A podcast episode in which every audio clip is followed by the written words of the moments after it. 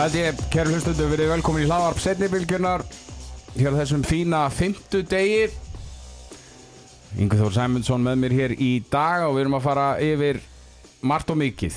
Og þetta verður geggjar þáttur mikið að ræða og allt að gerast þegar í handbóltanum februar var náttúrulega svakalegur handbóltamánuður og það er komið nýtt lið sem er ekki nýtt lið, þeir voru nú í, í efstu deild á síðasta tímabili, þeir eru komnir þangað aftur, hákáðangar til hamingju með e, það að vera komnir í, í deild þeirra bestu á nýjan leik. Og í tilefnið af því þá hefur við fengið Sebastian Alessandursson í, í, í hljóðverið hinga Sebastian, innilega til hamingju með að vera komnir aftur í efstu deild. Takk fyrir það. Hvernig, hérna, spennifallega? Nei, ég, það er náttúrulega vissulega svona, jú, einhverju leiti náttúrulega að vera búin að ná markmiðinu en, og, og svona snemma líka það er bara gott en nei, við náttúrulega töldum okkur hafa fullt erindi til þess að fara beint upp aftur og erum búin að nálgast þetta tímabil svolítið svona eins og mjög, mjög, mjög langt undirbúinist tímabil mm -hmm.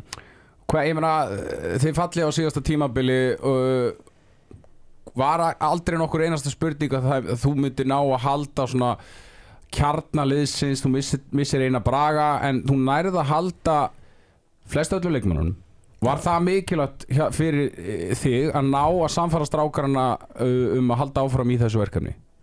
Já, mjög mikilvægt vegna þess að ef þú ætlar að búa til liðið að byggja það upp að þá verður að byggja á kjarnar sem að heldur áfram að þróskast og mikla mannabreitingar er ekkit endilega hodlar fyrir slíkt ferli.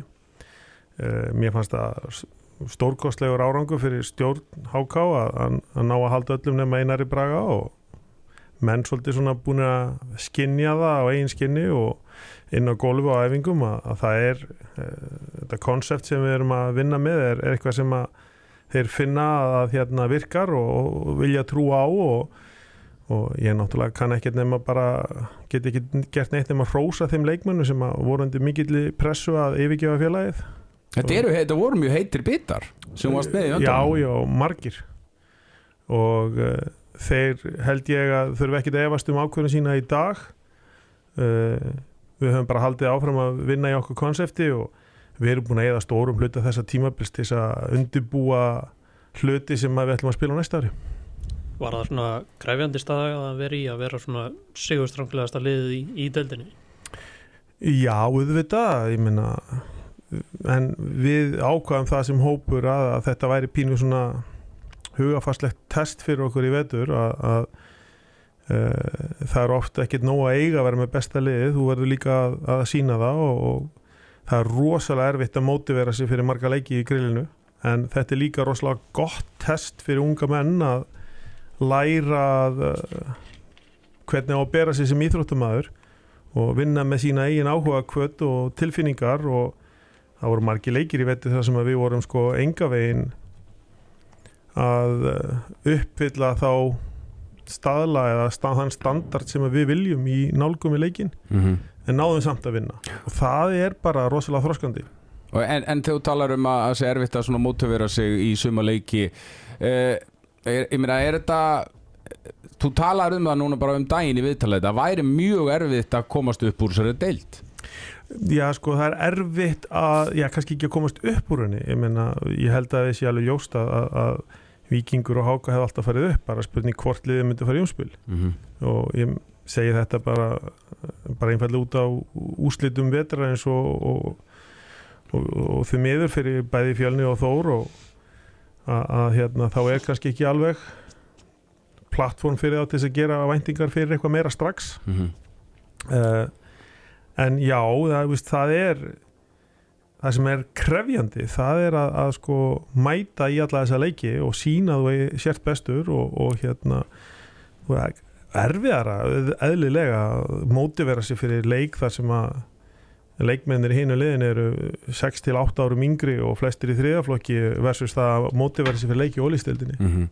En hvernig, ég meina, við höfum aðeins verið að diskutera þetta í setnibilginu varðandi uh, lið að það fari tvölið upp og, og fallið tvö niður. Uh, og það hefur kannski verið skoðun margra í, hjá mínum sefræðingum að, að það væri kannski vænilegt að, að þessu tilfelli færi háká beint upp en liðið í, í, í öðru sæti uh, færi jafnvel í umspil við 11. sætið í, í ólistildinni því að sagan síðustu 6 tímanbil hefur eiginlega verið þannig að þau fari bara tvö upp og fara aftur niður Já, eh, mér finnst það kannski alveg eh, eins í ljósi þeirra reynslu sem er búin að vera þá er ég sammólað því að það þurfi að skoða það ef þú vilt hafa 12 bestu liðin í öfstu deild hverju sinni að þá verði, held ég að það verði í ljósi stöðu liðana í grillin í dag.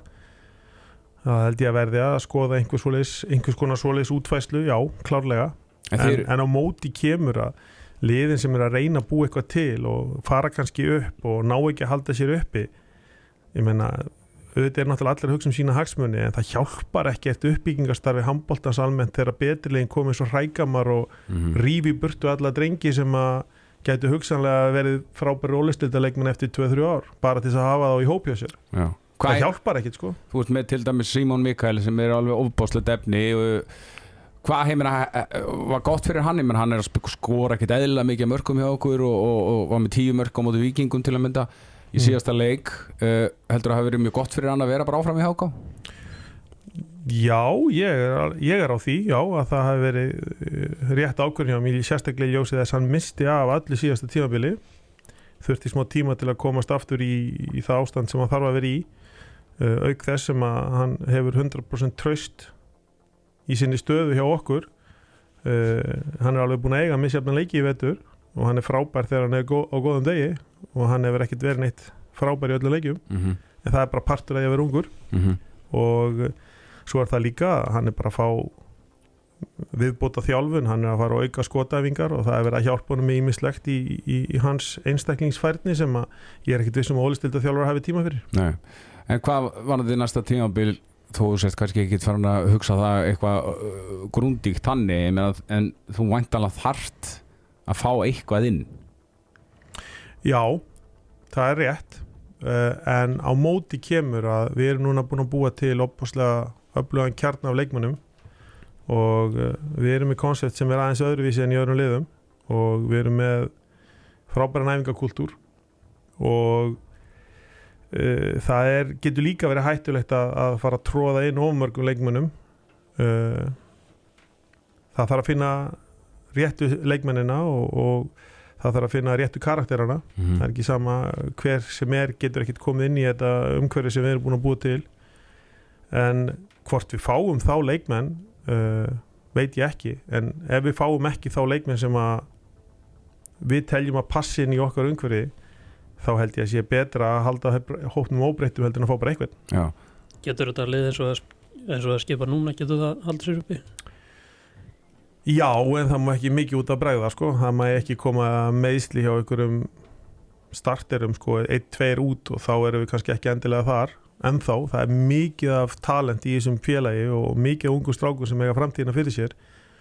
Þeir eru ekkit allir tilbúinu kannski í leikilutverki ólís á næsta ári en það er ekkit langt í það. Og ef við náum okkar markmiðum og verðum jólistildinni eftir tvö ár þá er þessi strákar allir að koma á blúsandi siglingu inn í kannski vel þroskalið talaður um það á síðasta tímabili að HK þyrti einn áspjöld Friðriks. Já, inn í, inn í liðið þá Ég- bara væri liðið á fínum stað í ólistildinni það var það sem okkur vantaði fyrra. Okkur vantaði leitt og einu á vellinum leikmann sem kann að stjórna bæði tempo í leikjum og stýra ákvarðan að tökja leikmanna í kringum sig og róa eða uh, hækka spennustigið í, í, í sérstaklega í sók Mm. uh, taka erfiðar ákvarðanir. Uh, ég er ennþá þeirra skoðunar að við Háka hefði ekki fallið í fyrra hefði við haft hann í okkar liði. Mm -hmm. Það er setna með, kannski svona eftirminnilegasti leikurinn í vetur hjá Haka og einna leikurinn á móti afturhaldíku í byggarnum sem þið tapið í vitakefni. Var það ekki svona, síndi það ekki ágætlega hversu stert þetta liðið er? Að, að ég menna að þið farið með eitt besta lið landsins í, bara í vitakefni og farið með það alveg að, að bjargbrúninni Jú, jú og við lögum þann leik svolítið upp að, að við vorum búin að sína svona fram að því að við værum líklega besta liðið í grillinu. Þarna langa okkur að sína að við værum nógu góður fyrir Ólís uh, okkur vantaði reyndar Hafstein Óla sem var búin að vera frábær fram á þeim tímapunkti. Við leistum það vel. Uh, það vantaði uh, jú það vantaði náttúrulega einhverja afturöldingu eins og venjulega en þeir voru með svona mjög öflugt lið og, og við fengum alveg nokkra sjensa til þess að klára þetta verkefni. En svo ert komin í vítakeppni þá er þetta svo sem bara ekkert sem að eftir að gera í því. Uh, við spilum 80 mínútur á handbólta og við fáum ekki eitt víti og við erum ekki með eina yfirtölu sem er aðtiklisvert en svo sem ekkert við því að gera. Mhm. þannig að það var svo sem ekkert mikið að sem að við gátum fengið úr umhverfinu annað en bara okkar eigin framistæða uh, ég veit það ekki ég meina, ég er ennþá þeirra skoðunar að, Átni Bræði setti liðið á bakið og kláraði þetta fyrir þá ef að, að Birki Ben hefði ekki meðst í fyrir áleik þá hefði við líka unnið þá, það Mhm. er bara mín skoðun. Já.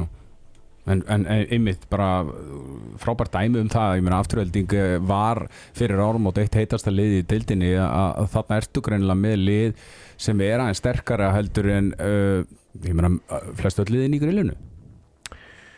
Já, vissulega er afturölding sterkar en öll liðin í grillinu. Það er engi spurning um það. uh, Æ, ég, var afturölding reynda, er ég var reynda að tala um háká Já, já. já, já, við, ég fyrir ekki, ég miskildi spurninguna. Já. Nei, við, já, ég menna vikingur er, vikingar er ekkit langt á eftir okkur, þeir eru með flott lið og eru að gera fína hluti og gulli með flotta mannskap í höndun sem það bara halda áfram að byggja upp, sko Mhm. ef maður fær frið til þess. Uh, Jú, við kannski erum aðeins betri en þú veist, það er, það er ekki nóg að vera betri, við erum líka að sína það og við erum alveg oft og við, köplum í vetur búin að eiga erfitt með að, að- að spila samkvæmt þegar getustíði sem við teljum okkur vera á. En þá kemur einmitt þetta hugafarslega test inn í og eins og ég segi, við erum búin að vera í nokkur leikjum í vetur þar sem í raun og veru fyrir árið síðan við hefum tapað Mhm. við náðum að draga sigur einhver staðar út úr pókahotninu sem að byggist kannski á aðeins meiri þroska meiri einbyttingu þegar, þegar allt er einhvern veginn á mótið er menn náðu að fókusera á rétta hluti til þess að draga fram sigur En þa- þetta er lið sem, þetta eru svona hákáingar. Margir hverjir í liðinu. Langflestir, já. Og uh, það hlýtur að vera mikilvægt að vera, menn, vera með menn í liðinu á næsta tímabili sem eru sko gallharðir hákáðingar og eru með raukt og hvítt blóð til þess að- fara og taka næsta skref og freista þess að halda liðinu í deildinni. Jú, klárlega, ég held samt sem að vera allir alvöru íþróttamenn sko, gefi allt fyrir félagi sem spila fyrir hverju sinni en þetta ekstra sem þú ert að tala um er vissulega, þú ert búin að halast upp í öllu félaginu upp allir yngri flokka það kemur kannski svona smá auka stolt uh, sem að smittast svo náttúrulega til annara líka sem er ekki kannski uppaldið þar en, en það kannski held ég líka bara ef þú ert búin að vera kannski að fara í gegnum alla yngri flokkana með sömu leikmönnum þá er búin að myndast kannski sterkari vinnatengsl heldur en gengur og gerist. Og þá eru mér svolítið að spila fyrir hvern annan líka. Mm -hmm. og félagið sitt vissulega og vissulega það er svona smá fjölskyldu stemning yfir hópnum hjá okkur og ég er nú búin að þjálfa mestrarflokki í 20 ár og, og ég hef sjaldan verið með ja, sko svona samheldin hóp í höndunum eins og ekkert ég, ég og Guðfinnur ég að, ég er búin frábært þjálfara temi kringum mig.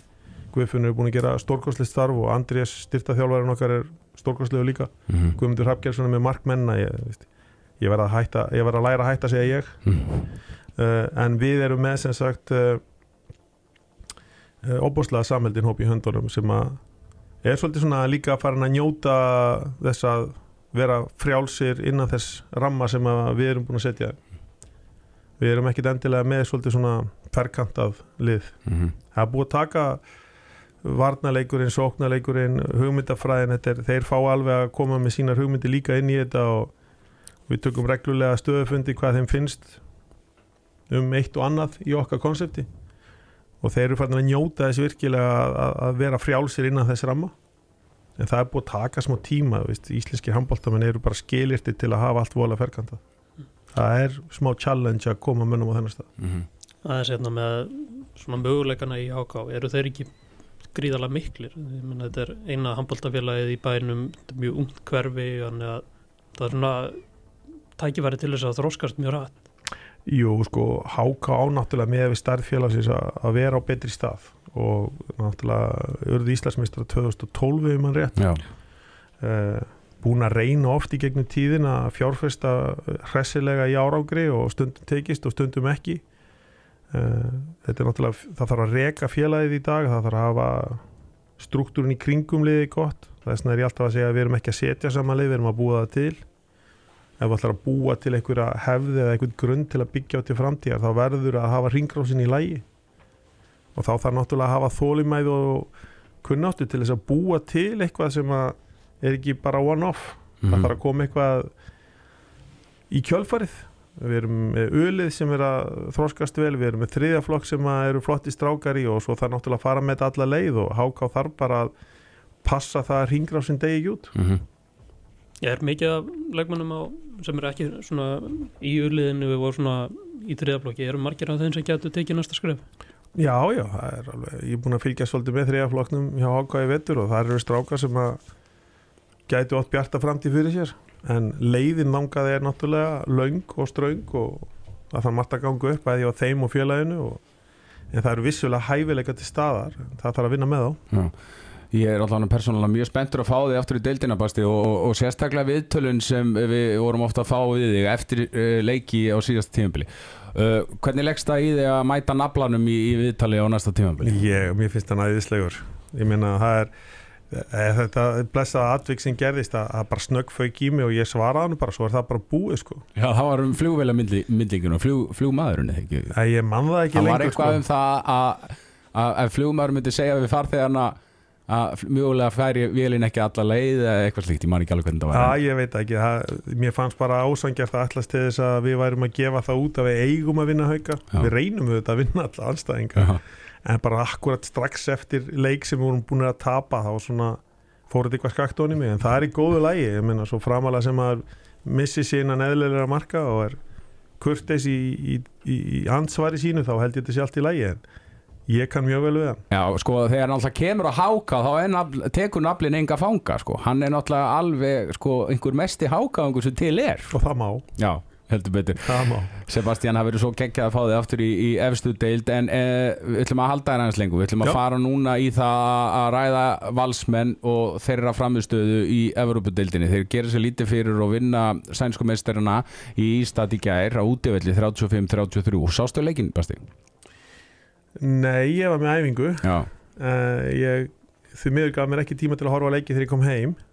En hver veit nefnir kíkja á hann en, en eh, ég er búin að vera að fylgjast vel með valsurum í, í þessu og er mjög heitlaður og mér finnst þetta frábært. Og valsarar eru alveg frábær uh, hvað að segja, fyrirmynd og fordæmi fyrir íslenskan handbólta og eru búin að setja svona ákveð viðmið sem mannu lið þurfa að fara með þessi við uh, ég held alveg óbáslega með þeim, ég vona að þeir fari helst alla leið í þessu. Já, ég held að það sé ágætt að hérna, svona, þegar ég fór að skoða hvernig þetta er fram, framundan það kannski var ágætt að er unni ekki með þreim mm vissulega er erfitt að mæta göppingen en, en ef þeir komast í gegnum þá þá býður þeir anstæðingu sem að virkilega gefur þeim tækifæri á að fara í undanúslit ég er ekkit alveg vissum að þeir farið í gegnum sigurverðan úr, úr, úr sko, eða sko að það er líklegast með styrkleika rauðum liðan að það myndi að vera fúsi Berlín. Já, það sé betra að mæta göppingen heldur en og topp- einhverstaðar. toppliðin í þýska, þýsku búndurslíkunni það hefur verið verra að mæta þeim. Já, því ef þeir hefur komist í gegnum kadetten Schaffhausen, er það ekki þeir? Að þá hefur þeir mætt líklegast Fúsi Berlín en ef þeir komast í gegnum göppingin þá fá þeir annarkort uh, mótor eða Nexe frá Króatíu. Mm og ég held að það sé miklu viðræðanlegri anstæðingur í ljósi þess að hvort þessar liða held ég að ráði við hraðan hjá all Kemur þetta þér á óvart þetta, þessi velgengi valsmanna í Evropadeildinni? sko já og nei. Uh, það kemur mér ekki óvart með að við hvað mér finnst æðislegt konseptið hér að hvað er spila hraðan leik, hvað eru óhrættir og hvað er komið gott sjálfstrust í mannskapin til að treysta hvora öðrum í þessum hraða, það er svo auðvelt að gera mistök Mm uh, og hvað eru óhrættir við að reyna bara aftur og aftur og hafa bara trú á sínu konsepti, mér finnst það virðingavert mér finnst uh, hins vegar það sem er búið komir óvart, það er hvað hvað þjálfara timmi hjá, hjá Val og, þá- og þá klárlega með snorra efstan í, í farabróti hvernig þeir hafa tekist að, að sko ég hef alltaf sagt svona, þú veist, þegar ég horfa á leikina að nú kemur skellurinn -hmm. en það er einhvern veginn alltaf sama hvað er lendu undir þeir koma alltaf tilbaka og einhvern veginn það er komin trú í þá að þeir séu bara á jafnbryttis grundvilli við alla þarna hvort sem þeir heita Flensburg eða Benidorm sko. Mhm. mér finnst það æðislegt og, og sjálfgeft ég, það, er, það er ekki mörg lið í, Íslandsögunni sem að hafa náð svona árangur í Európa-keppni og verið með sjálfströst og pari við bara hvað anstæðing sem er Haukar hafa náð þessu Valur hérna í eldgamla daga F á einhvern tíman mm eldgamla daga líka. Já, vikingar í eldgamla dag Já, já, ég minna, þú veist þe- þetta er ekki búið að gerast oft. Nei. oft fara menn svona í þessa leiki og þú veist, vona er vinni en ekkit endilega ákveðnir í að gera það. Þeir einhvern veginn bara fara og bara ætla sér að vinna, ekkit bara vona það. Já, þetta var yngvi alveg magnaði gæri, ég meina valsmenn eru að komast mest nýju mörgum yfir og maður sá sko á hérna, andritin á Kim Andersson og, og Peril Karlen til að mynda þjálfarunum hjá Ístad þeir eru bara smá í sjokki. Já, eðlilega þessi fyrirháleikur hjá Val það besta sem þeir, þeir hafa átt marga góða leiki í þessari kefni, marga góða háleika en fyrirháleikur var, var fullkomin Já, og bara, svona trúði þessu valla 21-13 í háleik mm.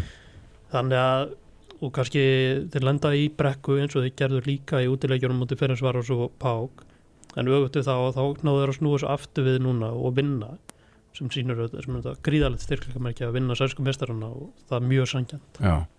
Ég veit til þess að, ég veit ekkert hvort mér segja þetta en, en Lói Gersson, hann talaði við Markus Báar í morgun í síman sem er þjálfarinn Göppbyggin Sá var ekkert sérstaklega hrifin að því að hafa fengið val. Hann var eiginlega meira sko að vonast til þess að fá Katatin sjáfæðusinn því að hann er hættur í valsmenn. Skiljanlega, en það bara, ég menna að við sjáum það allir leikirnir hjá Val í þessari kefni hafa verið jafnir fyrir utan leik, heimaleikinu á móti pák og það er út af því að Valsmenn voru miklu betri í þeim leik. Mm. maður hefði alltaf eins og Basti var að segja maður alltaf bjóst alltaf við svona ótt að þess að það er feng, nú kemur skjallurinn. En hann kom aldrei.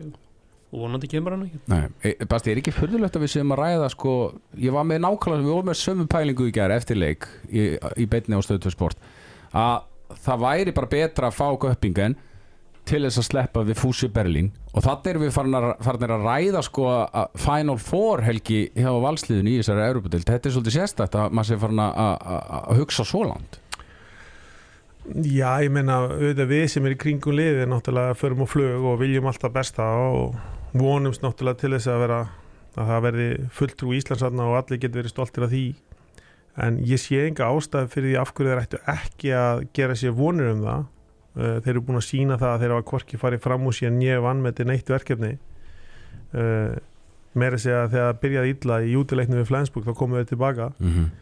og ég segi bara, veist, þeir eru komnið þetta langt, af hverju ekki? Ég held að engin í umhverfinu hérna á Íslandi geti sett eitthvað meiri pressa á það en þeir gera sjálfur en þeir þurfa bara að halda áfram að spila sem bolta, þetta er ekki að henda uh, atvinnumannaliðunum sérstaklega, veist, þetta eru laung og ströng tímabil sérstaklega þýskum liðum. Uh, mikið leikja álag og veist, ég get alveg ímyndað mér að þjálfar í göpping, ég sé ekki hrifin að því að fara í einhvern einhvern bortennis við val sko. Nei, ég meina margir hverjir af þessum leikmörnum sem Valur eru að mæta eru stórir og þungir og, og þetta er bara flóki fyrir það að vera alltaf þess að sko, ég meina lágvöksnu hríkala snöggu leikmennu vals Já, en það er ekki bara hraðin og veist, þeir hafa líka alveg verið að fá fín, fína sjansa í uppstiltum sóknarleik en það er kannski líka bara þótt að leikinni séu í háu markaskori þá er kannski auðvelt að draga það áleiktun og vörnin sé ekkit spes. Það er bara ránt, vörnin hjá val er bara fín. Það er bara fjöldi sóknir í leiknum er svo mikill, þess vegna er markaskori svona hátt. Mm. mér veist oft á tíðum bara útfæslan á vartaleiknum vera frábær í ljósi þess hvað er mikill þingdar og styrkleikamun á, á, á mönnum og veist, að sjástöndum þá vera að fara að nút og tækla 20 kíló að þingri menn, þetta er bara vilja og attitút Mm. sem að er bara til fyrirmyndar sko. heldur betur nú ætlum við að, að ringja bara í einn heitasta handbóltamannin í, í Evrópu í, dag hann heitir Óðinn Þór Ríkarsson og skora bara 13 mörk í hverjum leik og ætlum að þess að heyra um hljóði þegar hann var að spila í gerkvöldi Já, sælir. Lessaður og sæl, hvað segir einn heitasti handbóltamadurinn í, í Evrópu í dag? Ég er bara góður, ég er bara góður sko. Já, sko, þú ert að spila í Europudildin í gær, Presov hérna, andstæðingur Katatir Sjáfásin í gær, 13 mörg skorar eiginlega bara 13 mörg öllum eiginlega, eins og staðinu núna Já, ég meina þeir eru að, þeir eru að finna mig vel í hóttinu og, og hérna, þú veist, þetta er bara afrækstur og góðan sóknuleik, þú veist, og enda bolti bara í hóttunum. Já, Hvernig? Það er að lifa og, og menn er að vinna í dag. Hvernig hérna, mér langar að spyrja það eins út í þetta mark sem þú gerðir bara, var það ekki síðustu viku, hvort það hafi, það verið innkast alveg við hotni eða hvort þetta hafi verið beint úr hotkasti. Ég, ég bara náði ekki alveg að, sjá það á þessari klippu. Staðan er 25-24 í þessu, í þessu mómenti og þú tekur skot þarna. Þú veist, er aðstætt Eilsson alveg hrifin að svona ákvörðum hjá þér? Ég veit nú ekki hvernig viðbröðin hefur verið að klikka þessu sko. Já. En, en, en ég hérna, hef svo sem alveg hugsað þetta áður að það getur verið möguleiki. Ég var nú búinn að fá eitt hotkast þarna fyrir sko, þeir klúðruðu þá, þannig ég hugsaði nú að ég mætti alveg láta vaða bara. Ég meina, kom það ekkit á óvart að þetta skildi hefnast? Hefur þú gert þetta áður? Nei, ég hef ekki gert þetta áður en, en, en ég, jú, þetta kom mér á líkur þar og engar á þetta farið. En, en, en sem betur fyrir, ha, ég reynaði þetta aldrei aftur. En ég meina þetta hefur verið magna tímabil fyrir því Þú hefur verið sko með íslenska landsliðinu náttúrulega út á HM og, og stóðst þið mjög vel þar og vinnur þið bara einhvern veginn komin inn í íslenska landslið verið frábær þarna úti með Kataden Hvernig, ég meina hvernig útskýrir þetta svona frábæra tímabil hjá þér? Já, uh, það er bara, veist, ég, hérna, ég skal segja, þá þeir eru menn bara að finna mig mjög mikið niður í hodninu og, og, og mér er bara gengið vel og, og svo er ég að fór að blöða búið með vítil, þannig að þetta, þetta er bara, veist, þetta er bara, þetta er að, þetta er að ganga mjög vel og boltin er að fara inn, þannig að þá bara halda menn áfram að, mata mig, sko. Já, hefur alltaf verið bara alveg frá það var spart svona, þú veist, ógeðislega marka graður einhvern veginn Uh, já, ég held það, sko. Þú veist, ég hef alltaf verið hel- heldur hérna, mark heppin. Alltaf algjör marka vel í fótbolta, sko. Herri, en að fara náttúrulega í 16. úrslitin og þið mætið Ístad Va, va, Varstu svektur að fá ekki að koma til Íslands? Já, það hefði náttúrulega verið geggja að fá val sko bara upp á að spila örfuleik á Íslandi og hérna í þessari mögnuðu umgerði kringum hérna þriðleikjafn og stemminguna sem hefur verið Mhm. í Óringavællinni. Þannig að það hefur verið mjög gaman og, og þannig að ég, maður, ég fer ekkert að ljúga því að mér að vera alveg sama út með langa að fá val. Ekki út af þeir eru eitthvað verri sko, þetta er alveg á góð lið en, en bara á að fá örfuleik á Íslandi. Það hefur verið geggjað. Já Hefur þetta komið þér óvart hvernig valsminn er að spila í Europadildri? Um, nei, þetta hefur ekki komið mér á vart, mér finnst þetta bara vera svona eiginlega á, á, á pari við það sem ég, ég bjóst við sko og þeir þeir hérna hvað, fyrir 11 stig mér finnst þetta bara, þetta bara flott sko, ég, en ég, ég viss alveg hversu góður væri þannig að þetta kom mér nú ekkert á vart Heldur betur og þinn, já, við ætlum að hafa þetta bara östuðt og gaman að fá að heyri í þér. Uh, til ekki bara með þinn árangur. Kannski ein spurning að lokum reyndar uh, sko markmiðin þín meina, viltu, ertu að freista þess að reyna að komast í, í búndislíkun eða eitthvað slíkt? uh, Já, ég er náttúrulega með bara tvö ára viðbútt hérna núna staðan er þannig að, þannig að ég er voru lítið byrjað að spá í því sko ef við segjum svo þetta en, en hvort það er undarslíkan eða veist, eitthvað annað sko þá ég var verið gaman að fara í, fara í stóran klúb Já, það er svona, ætla að ekki markmæðis. heldur betur og þinn bara til ekki með frábæran árangur á þessu tímabili og, og, og gangi ykkur vel í, í Evrópudeildinni gegn Ístad, það valsmenn síndu það að það er nú vel hægt að vinna þá í gerkvöldi gaman að heyri þér Já, takk sem leiðis. segjum það, ertu blessaður Ég sem bless, bless. Það held ég uh, Basti Óðin Þór Ríkarsson kemur inn í landsliði núna á, á HM og, og, og svona það er bara allt í nú komin eiginlega með byrjunalis sko sæti í, í, í liðinu en eh, sko Gummi virðist bara svona allan að þegar leið á móti bara velja Óðin uh, frammiðu Sigvalda Ég meina, he- hefur þetta komið þér óvart að hákáingurinn upprænulega sé svona, hafi, svona orðið svona fljótt svona góður?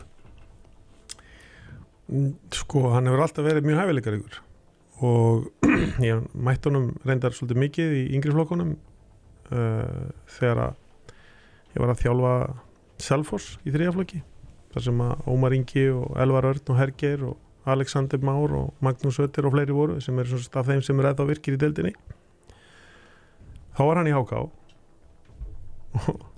ég, þá var hann strax vorðin svona ákveðin og með fullur af sjálfströsti og svo er þetta bara oft þannig að sko, þú veist, hann fer út, hann kemur heim hann fer aftur út og þegar þú hefur þessa hæfileika og lendir í góðu umhverju eins og hann er í núna þá er þetta bara oft bara tímaspursmál að vera réttum maður á réttum stað og réttum tíma.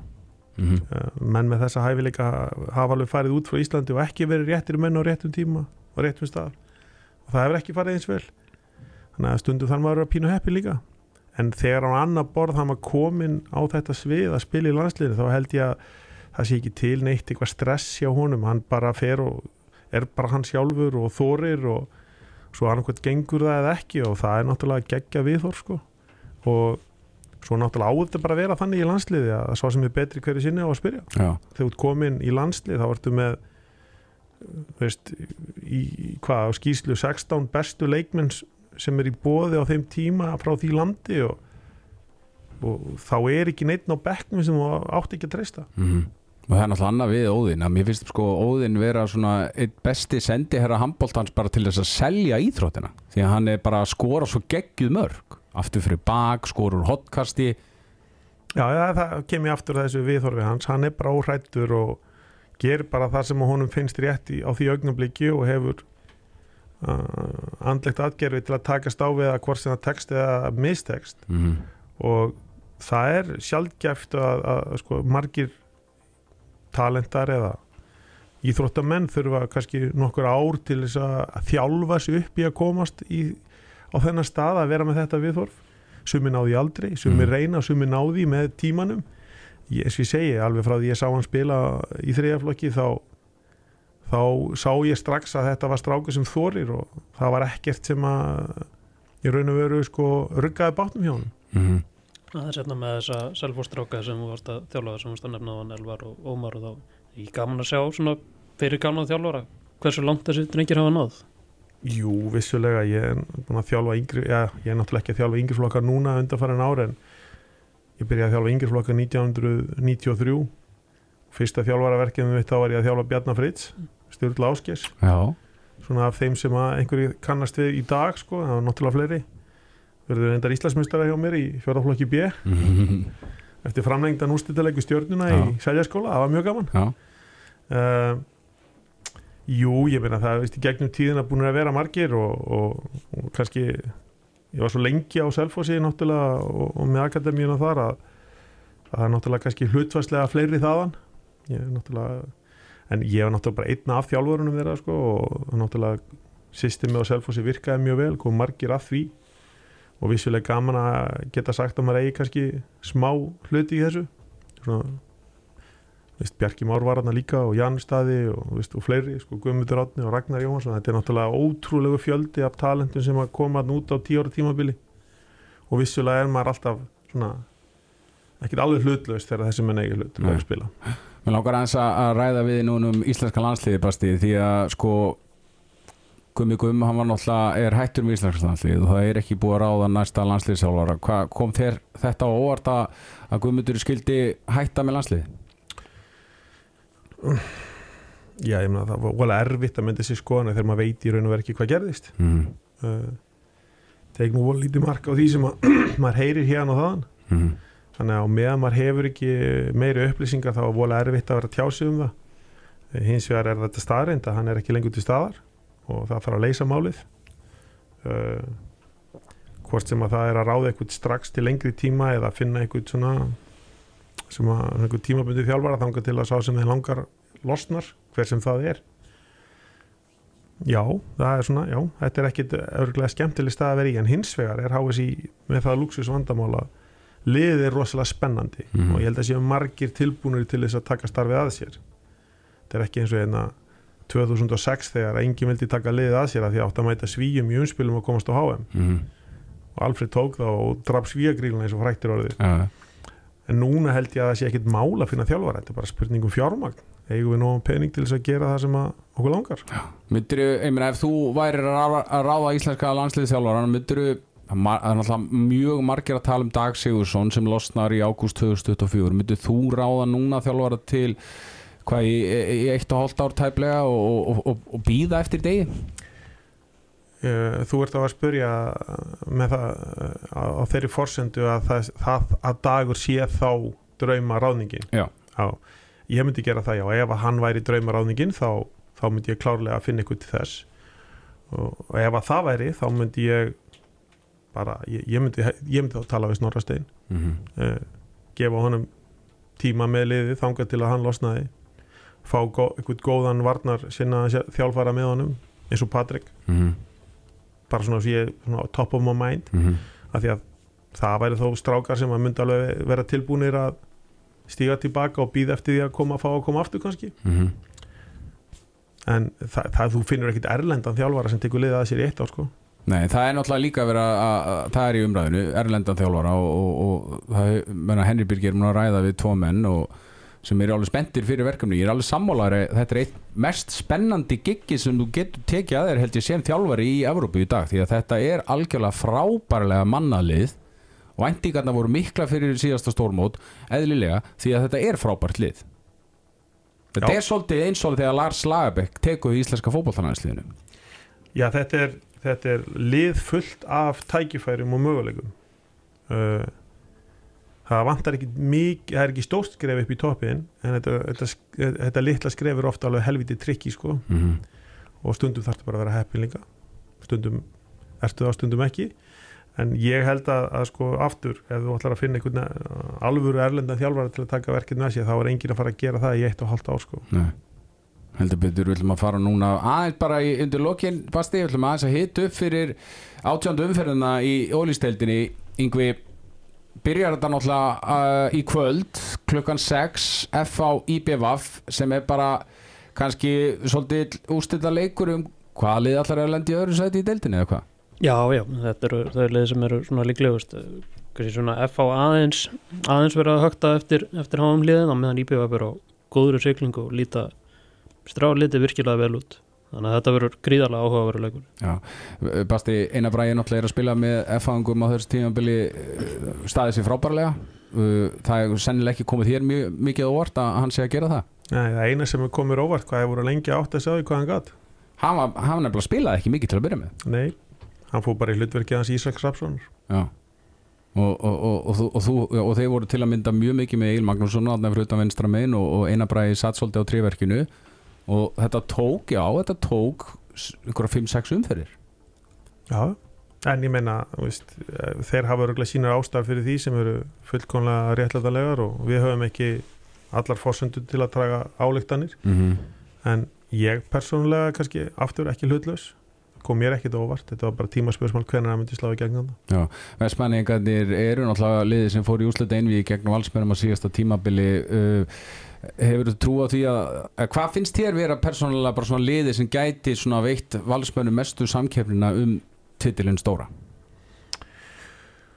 Sko, á góðum degi getur F á alveg veitt um samkeppni. Uh, Stjarnan er búin að sína að það geta unnið á. Mm -hmm. fram er búin að vinna Já, það. já.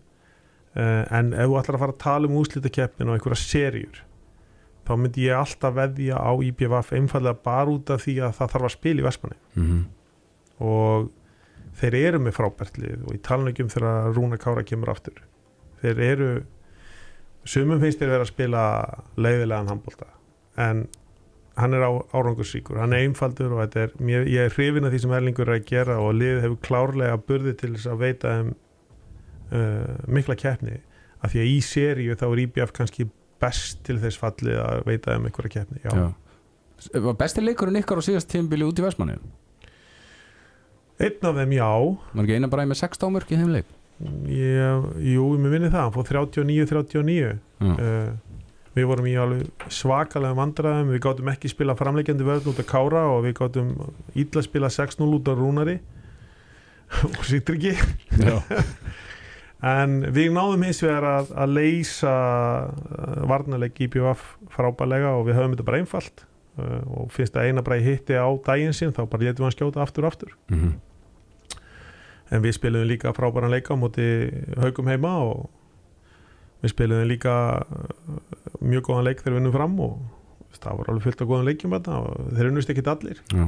en þetta er svona kannski eftirminnu leikur bara út af því að hann var hraður og, og mér fannst samt besti leikurinn okkar að vera í byggarnum í fyrra móti val. Mm. niður á hlýðarenda, sem að valu var bara átti erfitt með að vinna okkur. Og ég heldur að við slegju okkur út með tveggja marka sigri en þeir voru jú samt komni með eitthvað 4-5 en þeir náðu bara ekki að losna við okkur og við áttum mjög góðan leik þar. Uh, mér veist líka heimaleikur okkar á móti Val vera góður þar sem Val Valur vann að koma tveim. Mm -hmm. þar sem að við náðum að setja upp konsept fyrir leikin sem að þeir svona hvort sem þeir hitt á góðan dag eða ekki, skiptir ekki máli meina, þeir voru ekki, allavega ekki að finna bestu leiðinar í þeim leik gegn Já. okkur þannig að við spilum fullt af flottum leikjum í fyrra sko. En talandi aðeins meir um FH Þú ert að koma í efstu deild á næsta tímabili og þar er að koma inn í, í FH-lið Aron Pálmarsson Hvaða áhrif heldur þú að það eigi eftir að hafa fyrir ólistildina? ég á ekki vonun einu öðru en það hafi frábæra áhrif á ólistildina sérstaklega bara upp á áhuga og sérstaklega áhuga á FH og leikjónum hjá FH uh, ég, þetta, veist, ég vona bara allra vegna að hann verði nóg heitt til að taka þátt í sem flestu leikjum Mm -hmm. þannig að og ég held að þetta sé líka bara rosalega liftistöng fyrir alla leikmennina sem að muni spila með honum Mhm. en svo náttúrulega verður líka F að passa sig á því að þetta sé ekki eitthvað að snúist bara um hann sko. þetta er náttúrulega sjö inn á í einu og því er þetta að standa að ná býð eftir Aron ger allt sko. Nei. Næsti leikur á sama tíma uh, í kvöld klukkan 6 það er stjarnan Káa í, í beinni útsending og stöðtursport stjörnumenn hafa verið svona upp og niður en eru um miðja teild og hafa verið að sapna svona ágætlega, ágætlega mikið að stigum. En Káa menn uh, yngvi eins og við rættum í síðasta setjubilgi þætti það er bara eins og þeir séu bara hættir.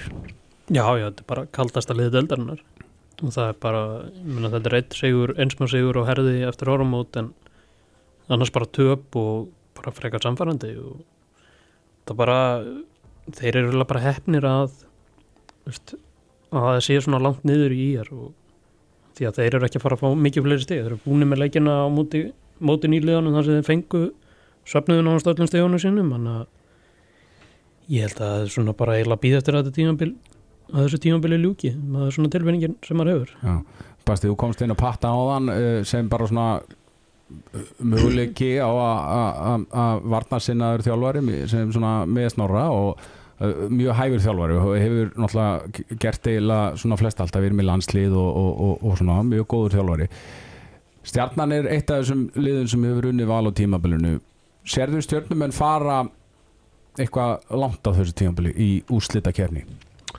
já, já, ég meina nú er patti hennar mannskap sko, hvað er þetta, hans í stjörnunni. Mm. og það sem að ég meinti með, kommenti með varnina, ég, bara, ég er svo hrifinaði hvað hann er óhrættu að skipta um varnir. Mm -hmm. og hann er, eh, það er alltaf geggja þegar út með lið sem að getur spilað ja, eins og í hans tilviki alveg þrjár til fjóru, fjóru, teg, fjóru tegundir af vörð það er ekkit gaman að undirbúa sig fyrir leikjum út í stjórninni þegar það dæfa sóknarleikin og mér finnst það frábært. Uh, sóknarlega er þeir alveg með fullt af flottum vopnum. Uh, og uh, svo er líka bara þú veist hvernig hann móti vera menn og veist fær þá til þess að leggja sig alltaf einhvern veginn fram og lætum menn bara heyra það ef þeir eru ekki alveg þar mm Mhm. veist, meina, eh, eh, stjarnan er svona lið sem allar sér stóra hluti og þá þurfa líka leikmenn að standa undir því það er engin, en- engin frípassi þar þannig að jú, ég, alveg, ég ætlast til þess að þeir komist allavega í undanúslit og það er bara spurning hverjum þeir mæta þar hvort þeir komist í úslita viðregnina sjálfa. Mm Sko, uh, 1940 er fram haukar í Úlfarsadalnum framararnir þú eftir nú að kannast vel við þá Sebastian, þeir byrjuðu tímabilið uh, ofbóðslega vel eða svona aðeins var að halla undan fæti í síðustu umföllum hjá þeim. Mm. uh, Reynir Þór Stefánsson hjá fram. Hefur það komið þér á óvart hva, hversu frábær hann hefur verið á tímabilið ég náttúrulega vissi ekkert hver þetta var fyrir en, fyrir en í haust sko. En strákurinn er alveg bilað efni sko. Mm -hmm. hann er búin að mæta okkur tvisvar í grilldeldin í vetur, ég held að hann hafi skorað 13 mörki á okkur í, í grillina með, með yfirleiði fram um daginn. Mm. Strákurinn er uh, svona aftur dæmi um óhrættan dreng sem að gerir bara sitt og, og verðist hafa svona andlega styrk til að standa undir því sem að hefur ætlast til á honum. Uh, frábært efni sko uh, svo bara það náttúrulega býð að sjá á næsta tímabili hvort að þetta, second season syndrome komi nokkuð, ég meina þá reynir svolítið bara á andlega hliðina en, en já, ég meina, þú veist, ég náttúrulega fylgist eðlulega með framverunum og mér fannst þetta svolítið, finnst þetta tímabil svolítið líkast tímabilin í fyrra. Mm -hmm. Þú veist, þeir byrjuðu líka frábælega í fyrra fór allavega í úrslit í aukabyggarðum Já, og voru flottir svona fram að áramótum. Eitthvað sem að ég held að einar hljótið þurfa aðeins að greina af hverju þessi dífa kemur alltaf á sama tíma. En jú, jú, þeir eru náttúrulega veist, með meiri breytt núna enn í fyrra og með fleiri leikmenn og ungustrákarnir þar hafa gefið þeim fleiri valkosti. Þannig að jú, fram klárlega náttúrulega, þessu bara spurning hitta þeir á daginn sinn í óttalega úslum Já, Þegar við hefum mikið verið að tala um haukarna varandi þessa andlegu lið og, og haukarnir eru með sko á pappir eitt best mannalið deildarinnar uh, þeir hafa ekki einhvern veginn á sér á, á strík almennilega og uh, eru í áttunda sæti deildarinnar. Uh, Er þetta svona kannski að þínum að þetta er eitthvað andlegt til þeim?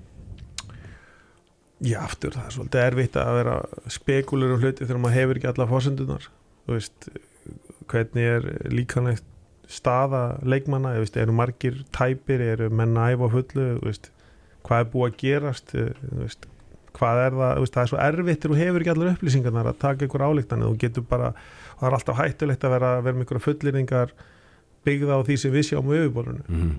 en liði lítur jú þannig út að það sé eitthvað svona eitthvað andleg deyfði við þeim og svona og maður sér að áskeri búin að vera döglegur að reyna að keira upp svona einhverja stemningu og veist svona íta í einhverja tilfyllingar að nappa hjá þeim uh, ég held að innkoma tjörfa hafi gert alveg rosalega mikið fyrir liði mér finnst svona að liði hafa vantað svona afgerandi leikstjórnanda framann á tímanbylunu Guðmundur Bræði er náttúrulega mjög mikið efni en einhvað síður ungur og mikil pressa að spila í haugum þannig að tjörfi bara veist, strax í fyrstu leikjunum sem hún kom það kom einhvern veginn allt annað yfirbræð veist, þeir þurfa kannski ekki að nota hann í 60 mínútur en það er mjög mikilvægt að hafa hann. Já. og svo er náttúrulega ekkit kjör aðstæða, Heimiróli var hættur og þarf að hætta við að hætta og veist, búið að taka kannski allt þetta tímabil að komast í eitthvað svona standhugafarslega þú veist, þegar menn eru búin að taka ákvörnum að hætta þá slöknar á ykkur í þeir sko.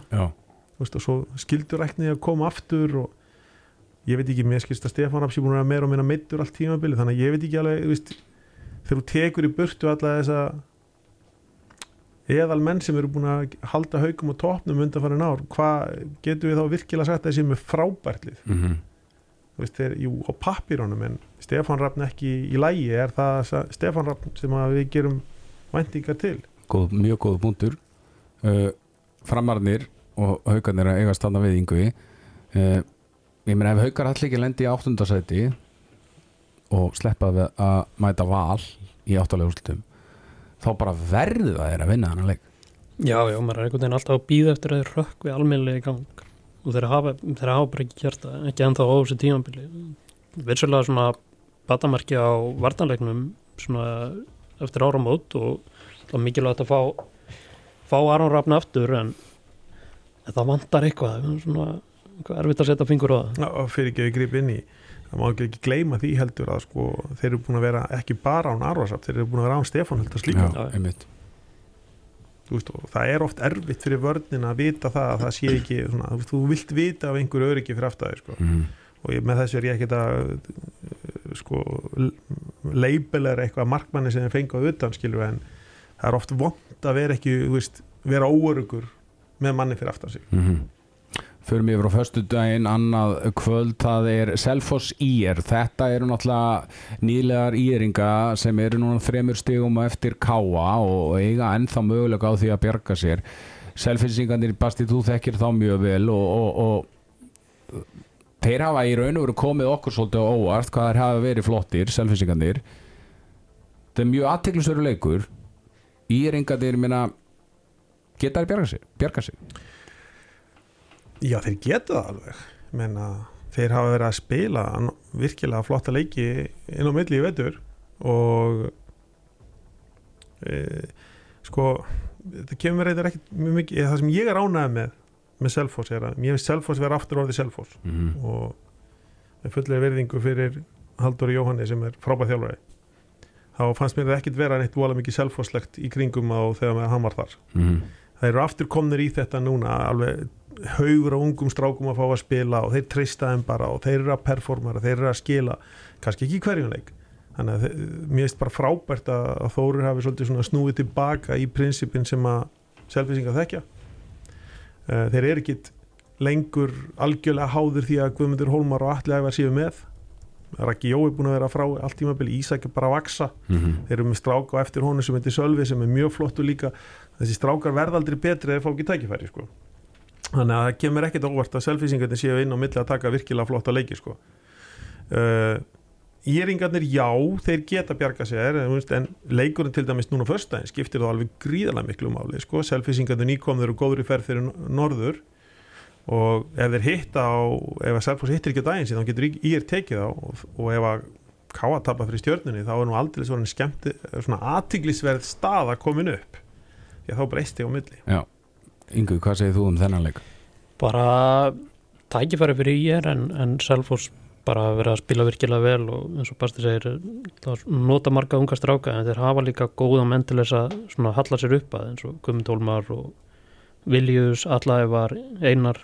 Þannig að þetta er svona blandan að það er rosalega góð. Mm þannig að ég bara vona á hörku leik og ég meina ég er náð að gera leikur sem þessari viðurregnum átti val og náttúrulega unnuleiki þar á undan að það er svona það er ágætlega bjartið við breiðoltinu núna. Já, aðaleikur okkar á föstaskvöldið í beinu útsending og stöð 2 sport setjumilgan strax á eftir honum það er Valur Gróta Basti heldur að sé ekkit smá svona trikki fyrir Snorrastein að vera alltaf að spila þessa eurobuleiki uh, á þriðudagskvöldum þessir rosa umgjörð kannski full órik og svo er það bara teildarleikur á föstudegi og eftir Ég ætla að leiða mér að fullir að það að það er rosalega áskorun. Uh, Ég var nú mikið í Európa-keppni hérna í gamla daga og var nú í liði sem komst tvisvar í áttalegusli í Európa-keppninni og það var alltaf, þú veist, ég þekki þessa tilfinningu sko. Já, þetta er svona eins og fyrsti deildalegur eftir að vinna byggarmistara-titil eða eitthvað skilur, þetta er svona, þú veist. En aftur á móti, þá er þeir búin að sína það jæmt og þetta í allan vetur, þeir eru samt að skila úrslitum, þeir eru að ná í stíðin sinn þrátt fyrir Európa-keppnina og ég get bara ekki, ég á bara ekki lýsingur á til að lýsa því hversu hrifin ég er af því sem að er, er að gerast í val. Og, e- og þetta er væntalega enn erfiðara fyrir Snorra núna því að þeir eru faktist bara orðnir deildamistarar Já, en vistu það það er eitthvað við snorra sem að er svo sjarmerandi það, það, bara, að þeir, þeir eru bara þannig lið. Þeir vilja alltaf meira mm. og það, þetta er svo miklu erfiðara heldur að fólkið sér grein fyrir að fá uh, leikmenn í hópíþrótt til þess að ganga allir á þessari, no, þessari línu sko. Mm. þetta er þetta er, er sjálfgeft ég, ég hef mér að fulla það Yngvi Grúta tapaði náttúrulega fyrir fram í síðustum fyrir að hauka náði í þetta stig gegn FH í, í reysalöknum og það munar núna fjórum stigum og haukum og gróttu í 8. og 9. sætinu og gróttu meina kasta frá sér möguleikanum á að komast í áttalega úrslit þarna Ég er hættur um það og það er hérna en það verður bara svona hvað, núna þriða tímabili eru það sem þeir eru í þessum í þessu limbóið þannig, milli úslakefni og fallsins og kannski vantar ekki rosalega mikið upp á að þeir geti tekið skrifið upp í úslakefnina en, en þeir eru alveg ennþá eitthvað frá því. Já. Lokaleikurinn yfir fyrirni afturöldingu hörður. Basti mér langar kannski sem er mest að spyrja það út í, í við erum aðeins búin að ræða náttúrulega afturöldingu í þessum þætti en uh, hörður stútfullið af útlendingum eru að leggja mikið í þetta eru með tvö stig, tvö jafntefja, hafa ekki unni leik en ég meina hefur, því að finnst gaman að fylgjast með því sem er í gangi fyrir vestan? Nú er það alveg hreinskilin ég hef ekkert náða að horfa kannski reittur rosalega mikið ólistildin í vetur. Uh, ég hef ekki séð nema eitt leik hjá Mm. herði í sjónvarpinu Já. og það er eflust ekki að því að þeir eru ekki í sjónvarpinu ég hef bara kannski ekki valið þá leiki til að horfa á. Já, þeir hafa ekkert verið oft í sjónvarpinu, ég get náttúrulega sagt það ok uh, jú, ég náttúrulega, þú veist, aftur það, það er ekkit, eins og ég var að segja í byrjun þáttarins að ef þú ætlar að búa til gott lið þá má ekki vera mikil rótering á mannskapnum, þannig náttúrulega er þetta svo strætóstöð sko. Mhm. Men, það er menn að koma aftur nýr og nýr og nýr og nýr og það heldur sér svolítið erfitt að búa til eitthvað samfellu þegar þú ert alltaf að hræra í liðinu. En jú, maður kannski skilur þörfina fyrir því. Mm -hmm.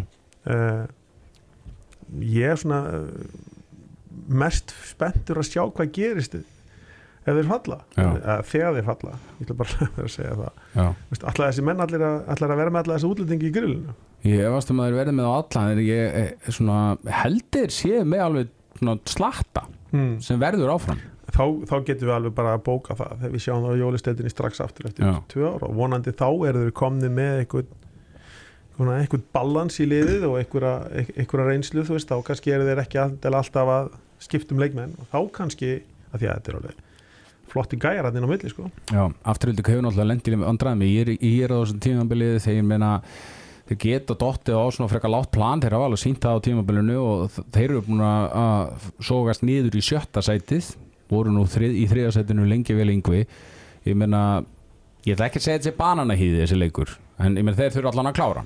Já, já, og ég meina Hörður getur líka bara það er enda á þessi býða eftir fyrsta sigrinum og ég vil að þessi geta alveg svona að hugsa sér nokkuð gott, gott ekki glóðarinnar því að afturhaldið hefur ekki litið vel út af undarvörnum og alltaf vantar Þorstein Lefa þetta og hann svona spurning hvort hann kemur inn í, inn í þennan leik svona. þannig að þetta er bara spennand að sjá og ég hérna gaman að sjá hvort að hörðu nær lóksins í hennan í hennan fyrsta sigur sem svona erum við ekki óskað eftir því að þeir, þeir ná í hann einhvern tíman Ég, ég, sjálfsögur erum við róska eftir því ég hef ekki eina, bara ekki neina trú á því sko, að þeir ná í sigur sko, því miður uh, aðtiklisett samt að því að þú veist, við vorum að, ég myndist á það áðan að þetta væri svolítið svona copy-paste tímabil hjá fram og í fyrra. Mm. uh, aftur afturhelding, þetta er svona þriðja ári í röð þar sem þeir eru bara ógeðslega flotti fram áramótum. Þriðja ári í röð sem að vissulega eru meðsli já, ja. en þetta er svona þegar að hlutinu fann að endur taka sig ár eftir ár þá er það ekkert bara óhefni sko. þá, þá er komin einhver rútína. Það er gaman að sjá þegar að tala um gróttu þeir eru einhvern veginn á sama stað í þrjú ár.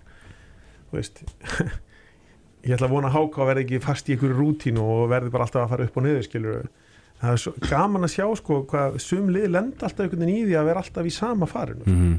það er á, eitthvað rannsóknaræfnið bara líka spennandi að pæla af hverju. Mér finnst eitt í þessum vinklið það er þessi umræðu um meðsli og þegar þú festist í því að tala alltaf um að þessi og hins sé meittur í þínu liði að þá ertu búin að búa þér til afsökun fyrirleik en það eru öll lið í deildin að glýma við einhver meðsli sko. það er ekki eitt einasta lið í þessari ólisteild sem er ekki með menn meita Já, já, ég, ég myndi kannski frekar hafa áhuga að sko, skoða af hverju eru svona mikil meðsli í þessum mm. það er kannski eitthvað sem maður þarf að skoða. Er það gólfið í Íþrótusinu er það stjórnunum og ákefðu á æfingum? Er það líkamlega undirbúningurinn er það, er það eitthvað annað skilju ef ég væri með liðs að maður væri svona mikið að meðslum þá myndi ég að vilja reyna að rannsaka skiljuru alla þætti í, í umhverfinu mínu og hugsanlega hvort að ég sé að gera eitthvað vitlust er ég með ómikla ákjöfð er, eru menn að hoppa ómikið, eru menn ekki að lifta nóg er, er ekki nóg mikið endurhind eða kvíld eða ómikið kvíld, ég veit það ekki. Mm -hmm. það er náttúrulega eitthvað að skoða það. En vissulega maður er ekkert alltaf með tilfinninguna að það sé alltaf allir mittir í afturhaldíku en kannski er það því að það er alltaf verið að tala um það. Mm -hmm. uh, frekar en það sé eitthvað meira enn hjá öðrum en kannski er það bara meira enn hjá öðrum. Ja, Það er kannski aðeins meira hjá afturhaldíku, ég get náttúrulega ekki um það. Og, og, og hjá selfinsingum á síðast tímubili var það rosalega mikið líka. Já. en er þú svona þjálfari sem bara spilar ákveðinu leikmanni þú er bara eiginlega bara fyrirfram búin að ákveða hann spilar fyrstu 15 og svo verður hann fara út af og kvíla aðeins og ertu með þetta svona það skipulagt Oh, sko við erum náttúrulega núni í vetur búin að vera að spila í deild þar sem að við erum að undirbúa okkur fyrir eitthvað meira. Mm -hmm. og til, veist, þá þarf maður náttúrulega að reyna að skoða einhverjir í mínu liði sem að vildi hafa leið mínútur. En jú, maður reynir svona að passa það sé kannski að því að við erum með freka mikla hákjæft, við æðum svolítið mikið. Uh, við erum búin að æfa miklu meira held, en, held ég grilldeldalið vanlega að gera því við erum bara búin að æfa eins og við séum í ólisteldin ef leikinir eru miklu færri þannig að ákveðinu æfingum er þá bara oft meiri. Uh, maður þarf náttúrulega að passa að menn hafi úttald í 60 mínútur og maður vil stundum hafa réttu leikmennina útkvílda fyrir síðustu tíu. Mm -hmm. stundum er maður með plan, stundum ekki og við þjálfvararnir þurfum stundum líka að experimenta líka hvernig við viljum stjórna liðinu. Stundum viltu vera, ertu með eitthvað planum að skiptum vörn eftir ákveðin tíma og koma aðri leikmenn inn á stundum viltu bara ef að úst, bakkar út úr planinu ef allt er geggjað í byrjun og stundum er bara planið færið út úr glukkan eftir fimm minútur og þú ert farin að hugsa um breytingar sko. mm -hmm. þetta er svolítið svona eftir hvernig það er það er, það er þú getur reynd að búa þér til mótil hvernig þú vilt að leikunum þróist það er allt sjálfnast að það gangi þannig upp sko. mm -hmm. ekki nokkur einasta spurning gaman að fá þig Sebastian Alexandersson Þetta að frábæra þáttur, við erum búin að vera hérna saman í, í klukkutíma og, og átjóndu umferðina að hefjast í kvöld. Þetta er bara, deltakerfnin er alveg að klárast og stýttist bara í úslutakernina en við erum að fara núna í smá pásu rundar úr handbóltanum eftir morgundaginn, sendinbylgjana sjálfsögða dagskrá og förstaskvöld. Basti, takk hella fyrir að gefa tíma að mæta til okkar. Ekkert mál, takk. Yngvi, takk fyrir samveruna í dag. Takk sem leðis. Eh, Við verðum hérna þá aftur bara fyrir næstu umferð þannig að þið heyri í okkur eftir nokkrar vikur núna. Förum í, í smá pásu frá handbóltanum eftir þessa átjándu umferð en það er alltaf landsleikja pása og spurning hvort við hittum eitthvað eins upp fyrir það. Gunni Maggo Ágúst Jónsson að fara að stýra íslenska landsliðinu. Þángar til næst veriði sæl